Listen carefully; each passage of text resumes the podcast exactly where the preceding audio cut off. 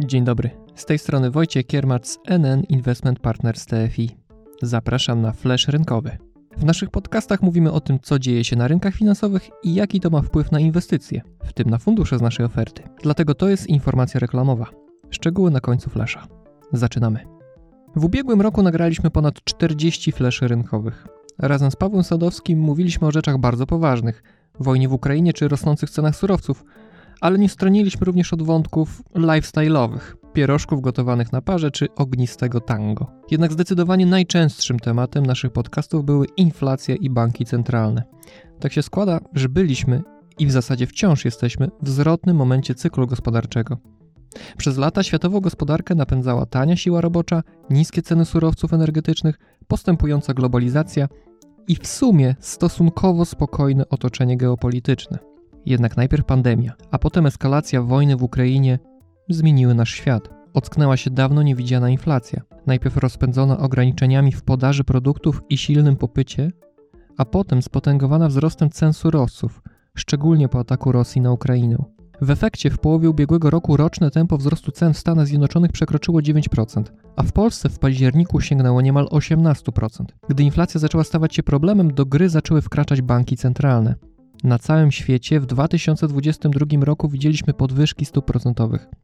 Jedni rozpoczęli je wcześniej, np. Rada Polityki Pieniężnej, drudzy później, jej amerykański odpowiednik. Ale cel jest jasny. Walczymy z inflacją. To trudne zadanie. Jeśli przesadzisz, znokautujesz gospodarkę. Jeśli się spóźnisz, inflacja rozkręci się na dobre. Jakie są więc dwa kluczowe pytania dla rynków finansowych na 2023 rok? Po pierwsze, jaka będzie inflacja? Uporczywie wysoka, na dłużej, czy pomału wygasająca?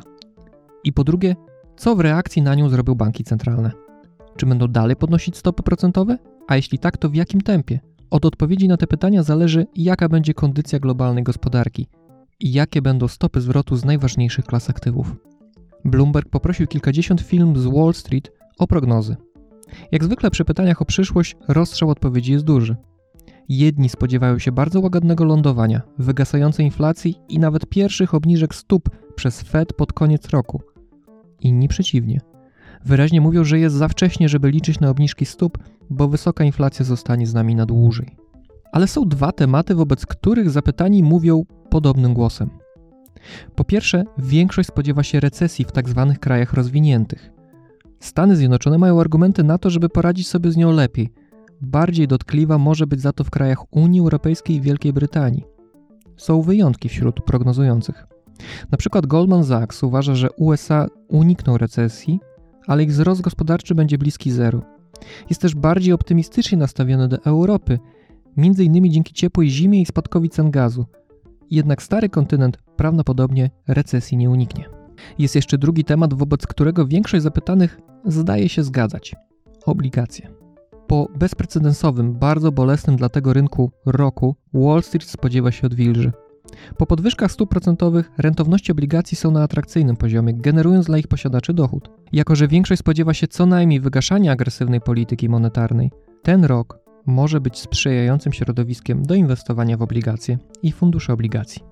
Zmieniamy temat. Czy warto robić finansowe postanowienia noworoczne? Moim zdaniem tak. Ale żeby już w lutym nie machnąć ręką i stwierdzić, że to jednak bez sensu, trzeba spełnić dwa warunki: nie przesadzić i być konkretnym. Mam więc propozycję trzech noworocznych postanowień finansowych, które naprawdę łatwo i warto wdrożyć. Po pierwsze, zacznę prowadzić budżet i kontrolować wydatki. Co miesiąc zaplanuj z grubsza wydatki i porównaj je z wpływami. Tylko tyle i aż tyle. Skorzystaj z możliwości, jakie daje aplikacja mobilna Twojego banku.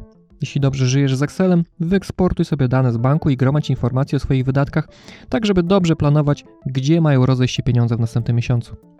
Po drugie, będę regularnie budować poduszkę finansową.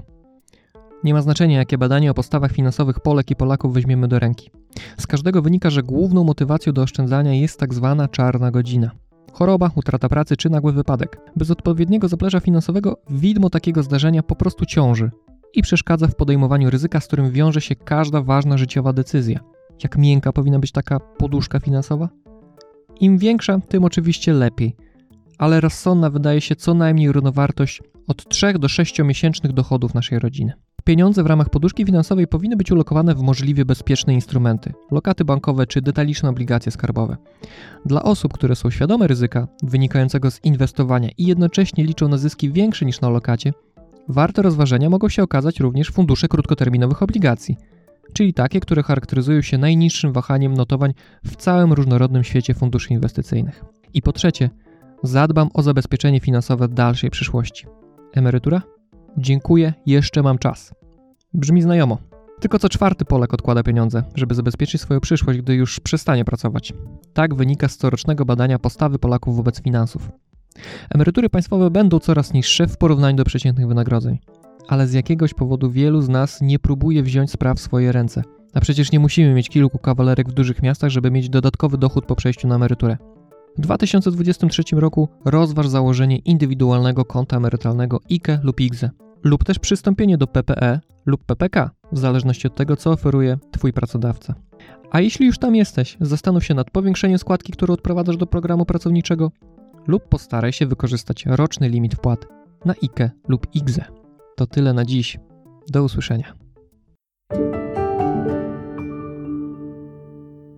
Ten podcast przygotowało NN Investment Partners Towarzystwo Funduszy Inwestycyjnych SA. Upowszechniamy go w celach informacyjnych, ale również reklamy lub promocji świadczonych przez nas usług. Posiadamy zezwolenie Komisji Nadzoru Finansowego na prowadzenie działalności. Podcasty tworzymy dokładając najwyższej staranności. Zawieramy w nich nasze opinie i oceny, które są wyrazem wiedzy popartej informacjami ze źródeł wewnętrznych lub zewnętrznych, uznanych przez nas za kompetentne i wiarygodne. Jednak nie gwarantujemy, że są one wyczerpujące i w pełni odzwierciedlają stan faktyczny, dlatego nie ponosimy żadnej odpowiedzialności za szkody powstałe w wyniku wszelkich decyzji podjętych na podstawie wysłuchanych informacji. Nasze podcasty nie stanowią oferty, doradztwa inwestycyjnego, ani rekomendacji kupna lub sprzedaży instrumentów finansowych i nie zwalniają słuchaczy z konieczności dokonania własnej oceny. Podcasty nie mogą stanowić podstawy do podejmowania decyzji inwestycyjnych.